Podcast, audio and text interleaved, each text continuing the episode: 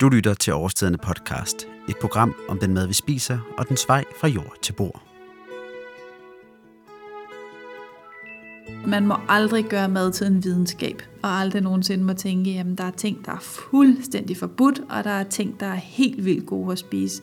Jeg hader begreber som superfoods, og jeg hader begreber, når man begynder at tale om mad som syndigt eller forkert eller forbudt. Altså reserver det til kirken. Det, det er der, man søger syndsforladelse. Det gør man ikke med mad. Det er blevet et nyt år, og det betyder også, at det er højsæson for slankekurer og medlemskaber i motionscentre. Folk har gjort status og besluttet sig for, at nu skal alt gøres anderledes i det nye år. Mange har for eksempel et nytårsforsæt om at spise sundere. Men hvordan skal man egentlig spise, hvis man gerne vil leve sundt? Det er der utrolig mange meninger om, og man kan let blive meget forvirret, når man læser diverse sundhedsguruers råd til, hvordan man bør leve sit liv. Men, men, men, det behøver faktisk ikke at være så svært. Det var i hvert fald, hvad jeg fandt ud af, efter at have talt med Stine Junge Albrechtsen, der er klinisk diætist, og som derfor ved mere end de fleste om, hvad man skal spise, hvis man gerne vil leve sundt. Happy New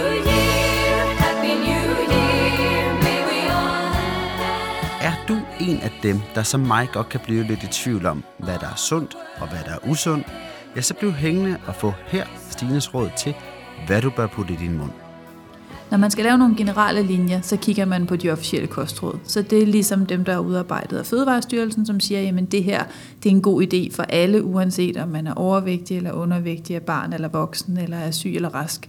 Og det er dem, man kan bruge som ryggrad for sine kostanbefalinger. Så uanset hvem man er og hvad man har behov for, jamen så har alle brug for frugt og grønt. Så har alle brug for at passe på ikke at, at spise øh, for meget øh, fed mad. Ikke fordi fedt er farligt, men fordi det giver mange kalorier. Så hvis man skal holde en normal vægt, så er det noget med at tænke på, jamen jeg kan nok ikke putte piskefløde i alting. Det er nok et spørgsmål om en gang imellem at vælge en mager yoghurt som dressing. Og så selvfølgelig også at få forskellige øh, kilder til øh, protein, så man får fisk den ene dag, og kød den anden dag, og fjerkræ den tredje dag, fordi det også har nogle forskellige næringsstoffer. Så altså uanset hvad vi har af baggrund og køn osv., så, videre, så er kostrådene rammen, og kostrådenes ypperste opgave er at sige, at lidt af det hele giver plads til det hele. Så det lyder jo meget simpelt, at man bare skal følge de officielle kostråd. Men jeg kan nu alligevel godt blive i tvivl. I de officielle kostråd, der står blandt andet, at man skal vælge fuldkorn. Nu er jeg så lige en af de typer, der synes, at fuldkornspasta smager lidt for meget af savsmuld. Og derfor så fravælger jeg altså bevidst fuldkornspasta til fordel for den almindelige variant. Men hvad betyder det så for min sundhed? Det, der er vigtigt, når vi kigger på kostrådet om fuldkorn, det er at sige, at der er en generel anbefaling per dag, som siger, at du skal have 75 gram fuldkorn per dag. Det, der er friheden for dig, er, at du vælger selv dine fuldkornskilder. Så det er jo ikke sådan, at alt, hvad du spiser på en dag, behøver at være fuldkorn. Hvis nu du kom godt fra start med en portion havregryn, så kan man sige, at 1 gram havregryn er 1 gram fuldkorn. Så spiser du en halvanden deciliter havregryn, så har du fået 45 gram fuldkorn, så er du mere end halvvejs. Så når vi måske til frokosten, hvor du får et par rundt nummer rugbrød, der er cirka 25 gram fuldkorn per skive, så har du faktisk fået alt det fuldkorn, du skulle have på din morgenmad og din frokost. Så det her med at tænke, at alt skal være fuldkorn, det er ikke fordi at sige, at man kan få for meget fuldkorn, men det er mere det her med at tænke, men man behøver ikke slavisk at sige, jamen, så skal jeg fravælge alt, hvad der hedder hvidt brød eller hvid pasta, eller øh, jeg må aldrig mere nogensinde øh, spise kartofler, som ikke er fuldkorn, jeg skal have en fuldkornskilde hver dag. Når vi skal vælge fuldkorn, så handler det om at få mineraler, fordi badvægten er ligeglad, om du spiser hvid pasta eller fuldkornspasta. Den har nøjagtig samme mængde energi per 100 gram, så det er ikke fordi, du bliver slankere af at spise fuldkorn. Men fuldkorn har nogle flere næringsstoffer, fordi du ikke har pillet skallerne af kornet. Men på den lange bane kan man sige, at fuldkorn er det sundeste, fordi mineralindholdet er højt, og fordi fiberindholdet er højt. Men igen, i et vægttabsøje med, eller et vægtvedligeholdelsesøje med, der er der samme kalorier per gram. Så man skal ikke tænke, at man sparer noget kaloriemæssigt ved at vælge fuldkorn frem for den hvide. En af de ting, som, man, som jeg også godt kan blive tvivl om, det er frugt. Fordi man ligesom siger, spis seks stykker frugt og grønt om dagen. Øhm, men det er så nogle gange bliver i tvivl om at møde, det den her idé om frugtsukker. Og nu her, da jeg tog ud til dig, så øh, der havde jeg ikke lige noget for frokost, og jeg manglede noget energi, så jeg købte sådan en, øh, en juice i en butik. Øh, og den her juice, den er lavet på blåbær, æble, ingefær og mynte. Og når jeg lige kigger på, hvad der er i, så kan jeg i hvert fald se, at øh, størstedelen af, altså 82 procent af den her juice består af koldpresset æble. Mm. Så har vi en lille bitte smule øh, blåbær, en lille smule ingefær, og så meget lidt mynte øh, og C-vitamin. Hvor ligger sådan noget som en, en juice så for eksempel i forhold til den her diskussion om frugt er sundt eller ej? Hvis vi skal starte overordnet, så kan man sige, at kostrådet siger at spise frugt og mange grøntsager. Og det viser lidt fordelingen. Og siger, at vi skal gerne op på de her cirka 600 gram dagligt, men når det er frugt og mange grøntsager, så ligger der i betegnelsen, det er mere grønt end frugt. Frugt i sig selv er der slet ingen grund til at være bekymret omkring. Men det man bare hele tiden skal tænke på, jamen når vi har 10 kostråd, man kan godt tænke, gud det er en stor mundfuld, men det er jo fordi det handler om, at kroppen kan ikke klare sig på en byggeklods alene. Så tilbage til, at du vælger en juice i stedet for en frokost, der kan man sige, at det er svært at sammenligne en juice med en rugbrødsmad med pålæg, eller med øh, varm mad, eller hvad du vil have spist. Der får du kun en del af måltidet, det vil sige, at du har kun fået kulhydrat. Så når du køber en juice i stedet for en frokost, så mangler du en god proteinkilde, den vil gøre dig mæt, og den vil give dig øh, nogle gode byggeklodser til muskler og til celler og væv generelt, og du mangler nogle fedtstoffer.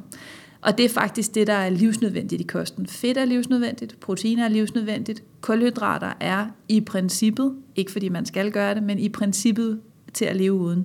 Så, så når man hele tiden får de her trends ind, der siger, nu skal du spise mindre frugt, eller nu skal du spise mindre brød, eller du må ikke spise så mange kartofler, så handler det om, at, at man har fået et lidt misforstået indtryk af, jamen når det nu er fedt og protein, der er livsnødvendigt, så må det være det, vi skal spise hele tiden. Så kan kulhydrater være lige meget. Frugt og kulhydrater, det er sukkerarter, og det er det, der gør, at det får sådan lidt, åh oh, nej, hvis det er noget med sukker, så er det nok farligt. Men det er sådan set overhovedet ikke det samme. Det, der er vigtigt, når man skal forstå anvendelsen af kulhydrater og juice, det er, at det er rigtig godt brændstof i hjerne og muskler. Så det, der også har været vigtigt for dig, når du stod der og var øh, lidt træt, fordi du ikke havde fået frokost, jamen det var at tænke, okay, jeg skal have noget hurtig energi. Og kulhydrater virker i hjerne og muskler. Det er det eneste brændstof, hjernen rigtig vil acceptere, det er glukose.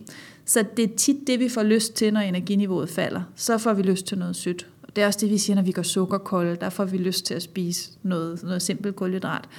Så der er mange elementer i dit spørgsmål. For det første er frugt farligt? Nej. Hvad er en anbefalet mængde af frugt? Jamen det vil være et par stykker frugt dagligt, og så den dobbelte mængde grønt. Så af de her 600 gram, jamen så måske en 200-300 gram frugt og en 300-400 gram grønt, og gerne mere, hvis man overgår det. Man kan altså godt spise almindelig pasta og frugt med god samvittighed. En anden fødevare, som jeg oplever nogle gange bliver hængt ud for at være dårlig for kroppen, er kartoflen. Det synes jeg umiddelbart lyder meget foruroligende, for hvordan kan en grøntsag nu være usund? Lad os høre, hvad Stine siger til det. Hvis man starter med kartoflen, så tror jeg igen, at kartoflen den er blevet offer for den her kulhydratforskrækkelse, der har været ret fremherskende, og det er virkelig synd, fordi hvis man kigger på kartoflen, så er den en god kilde til C-vitamin. Faktisk er der rigtig mange danskere, der får deres primære C-vitamin-indtag fra kartoflen og ikke fra citrusfrugter, så, så den er en god basis.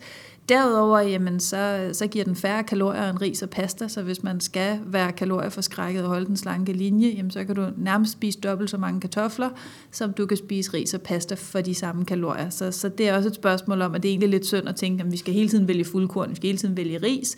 Nej, fordi hvis, hvis du gerne vil ned i vægt, så kan du faktisk øh, spise 240 gram kartofler, hver gang du spiser 160 gram ris, så du får volumenmæssigt mere.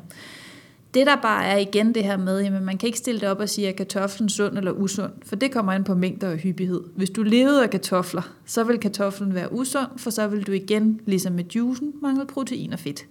Men når du spiser kartoflen som en del af varieret måltid, så der er en eller anden form for proteinkilde til, der er noget kød, noget fisk, noget fjerkræ eller nogle bælfrugter, der er noget grønt, jamen så bliver den jo pludselig en del af en helhed, hvor den udgør et element af fornuftig mængde kulhydrat, men selvfølgelig skal suppleres med fibre og fedtstoffer og protein fra sovs og kød og hvad du nu ellers har puttet på tallerkenen. Skal vi prøve at opsummere, hvad Stine siger, ja, så handler det grundlæggende om at spise varieret, hvis man gerne vil have en sund kost. Nu er det sådan, at jeg selv abonnerer på en af årsidernes måltidskasser. Derfor har jeg ligesom udliciteret ansvaret for om mit aftensmåltid er sundt og nærende til den eller de kokke, der står for min måltidskasse.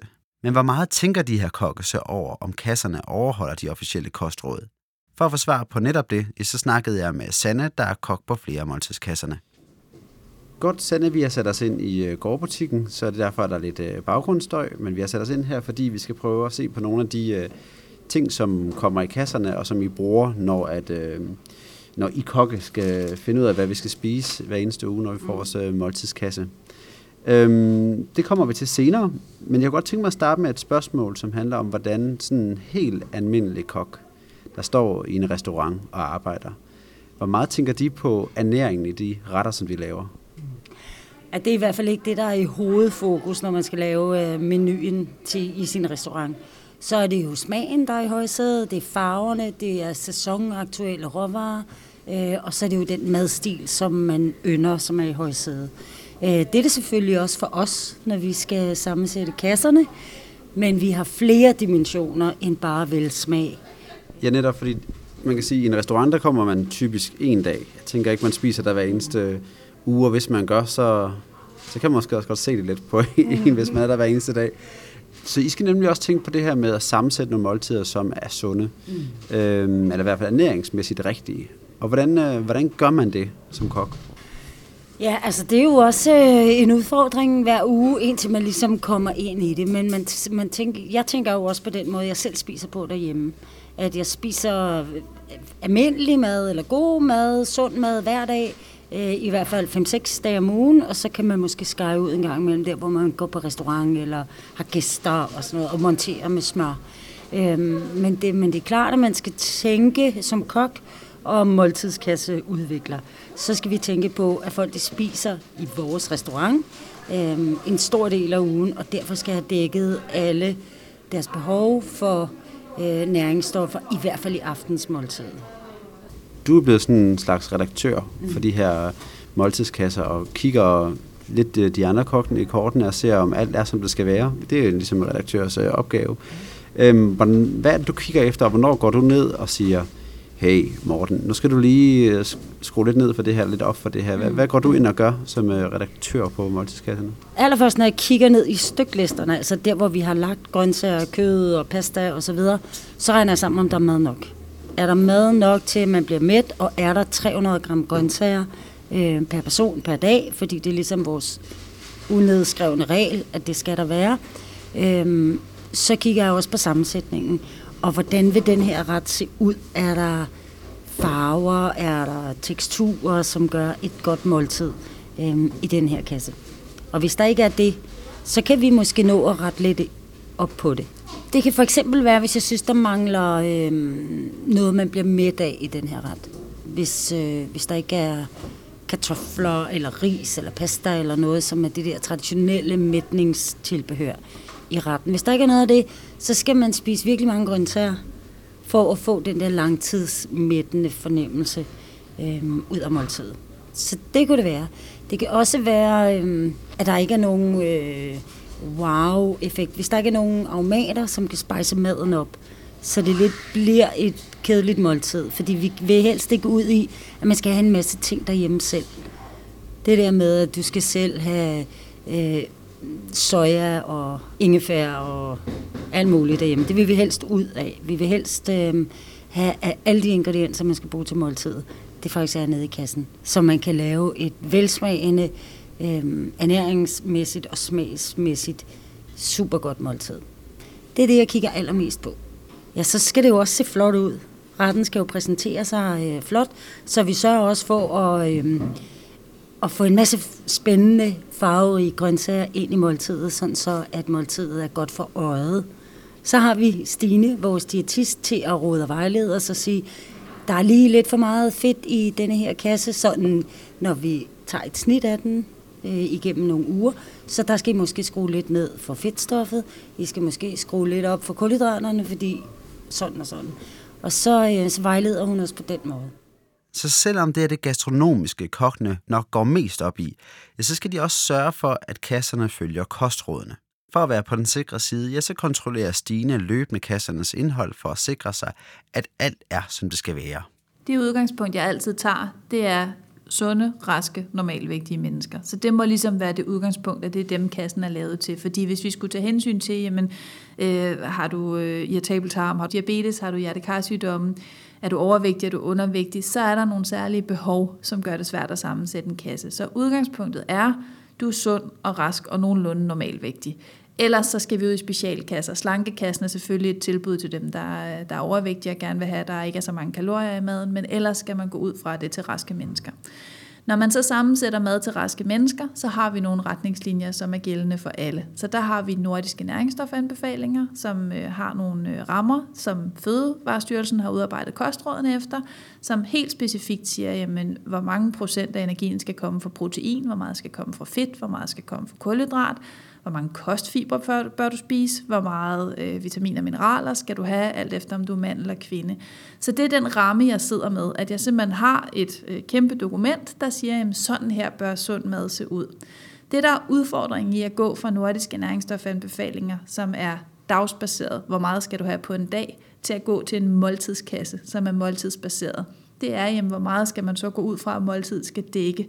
Så det, som jeg har tilladt mig at gøre, og det er øh, egen fortolkning, det er at sige, at mit hovedmåltid som aftensmåltid, det udgør cirka 30 procent af din daglige energi. Så jeg har sagt, jamen så skal du få dækket cirka en tredjedel af dit proteinbehov, vitamin- og mineralbehov osv. Så jeg har sat mig ned og simpelthen lavet et schema, der har sagt, jamen så mange kalorier bør der være i måltidet, så meget fedt bør der være i måltidet, så meget protein og kulhydrat, så mange vitaminer og mineraler bør der være, og så sætter jeg mig simpelthen ned, tager øh, alle kasser for tre uger, og laver en gennemsnitsberegning. Så hvis vi nu tog øh, vegetarkassen, jamen, så har jeg øh, 15 måltider, som jeg har tastet ind, og gennemsnitsberegnet.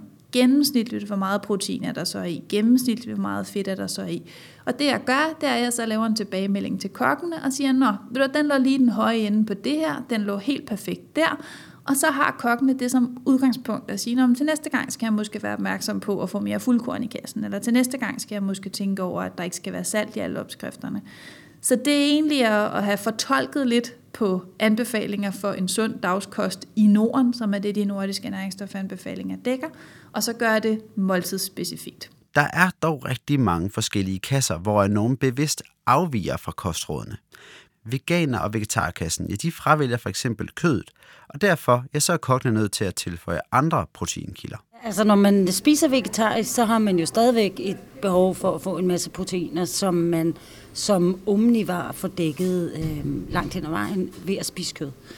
Øh, så når man ikke spiser kød, så skal man jo have nogle gode, solide, essentielle proteiner et andet sted fra. Og der er bønner en rigtig god kilde, og bælfrugter i det hele taget en rigtig god kilde til proteiner. Så derfor er der altid øhm, bælfrugter i vegetar- og veganerkassen. Øhm, men der er jo også ost og, og æg, i hvert fald i vegetarkassen. Ikke? Ja. Øh, I veganerkassen, der, øhm, der vil der næsten altid være bønner, linser, øh, kikærter øh, på to eller tre dage. Og hvor bevidst er I om det? Fordi jeg kan, altså, der er jo mange mennesker, som lever vegetarisk, mm. som også godt ved de her ting. Ja. Øhm, og som også tænker, at jeg får da også spist mine, mine bønner en gang om ugen, men som mm. stadigvæk godt kan være i tvivl om, får man nok, hvor, hvor til, hvad skal man sige, hvor tilfældigt er det her? Hvor meget står I at tænke over, jamen, øh, hvis det er en familie på fire, der spiser en vegetarkasse, så skal vi op på de her antal gram. Hvor, hvor kalkuleret er det hele? Jamen altså, vi, vi har jo faktisk et samarbejde med, øh, med en øh, diætist, som, øh, som laver beregninger på alle vores kasser, øh, som stikprøvekontroller. Og hun har, hende har vi haft et godt samarbejde med igennem længere tid, blandt andet på vegetar- og veganerkassen, fordi at det er så vigtigt for, øhm, for folk, der vælger at spise vegetarisk og vegansk, at de får proteiner nok. Der er sådan en, øhm, sådan en angst for ikke at få proteiner nok. Og det tror jeg er øhm, kvæg hele den her øh, low carb bølge, hvor man simpelthen skal have så mange proteiner for at, at der er sådan en misforstået opfattelse af, at jo flere proteiner man spiser, jo tyndere bliver man, og jo sundere bliver man. Og det er ligesom skabt sådan en hel øh, hype omkring proteiner. Og i virkeligheden har man ikke brug for særlig meget protein.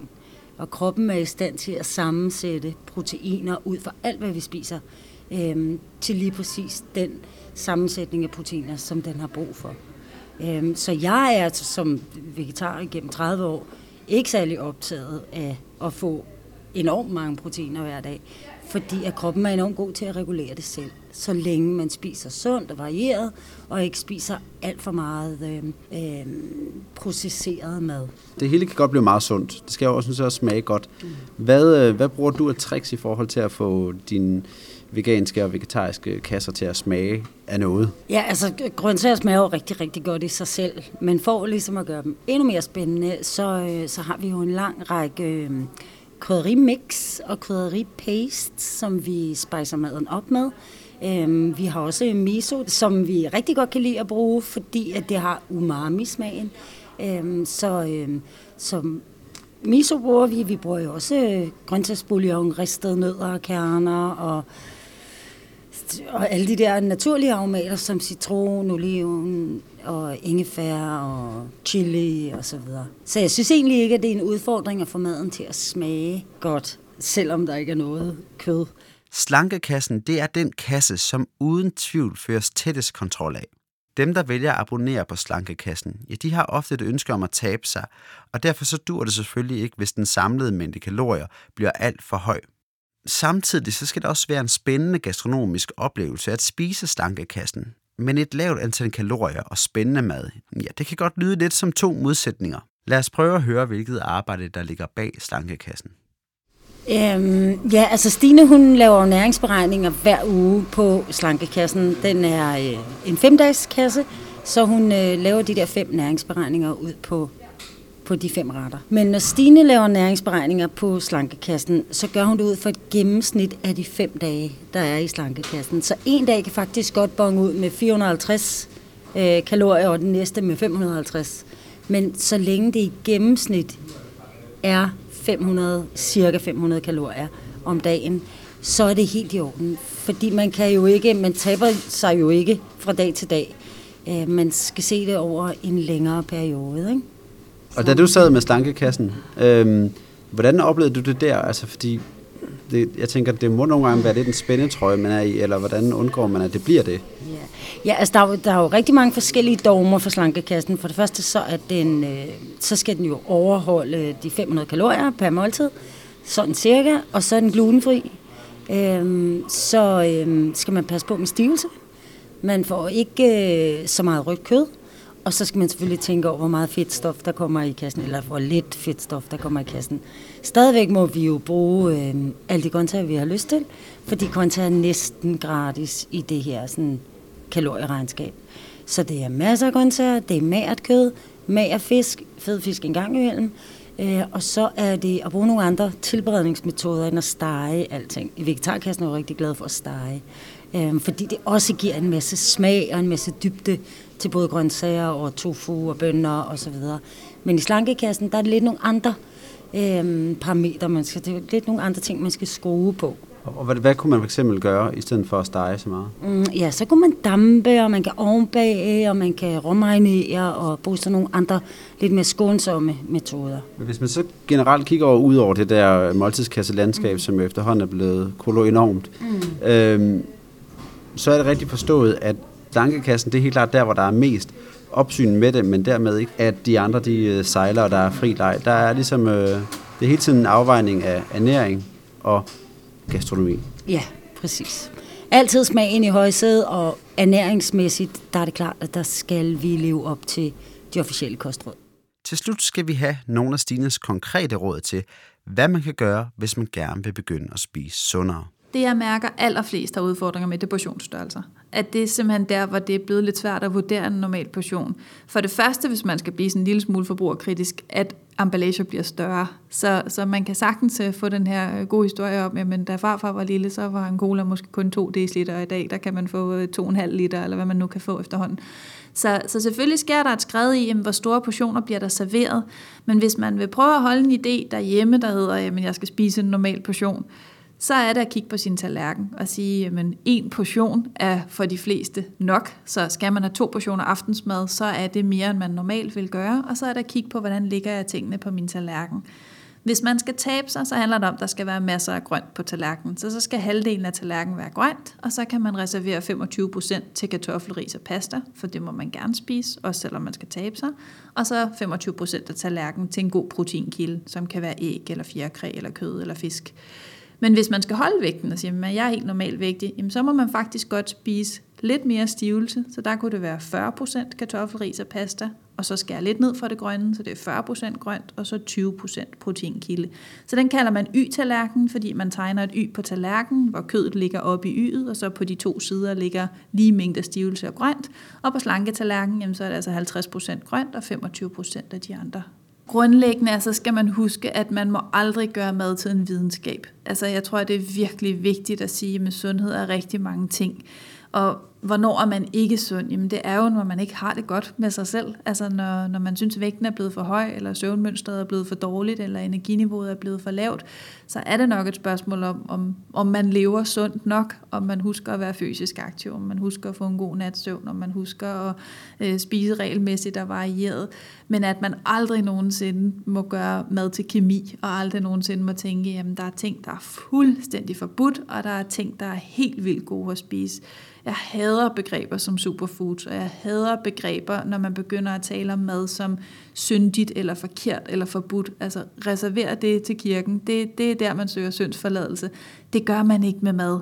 Mad er en nydelse, men det er selvfølgelig også noget, man skal skabe plads til. Så når folk begynder at bruge de her begreber, så er det jo fordi, de godt ved, at de har spist en større mængde, end de synes var rart at spise, eller de synes var rart i maven. Nogle var måske ondt i maven, hvis de spiste spist for meget mad, eller bliver utilpasset, hvis de har spist for meget sukker eller drukket alkohol.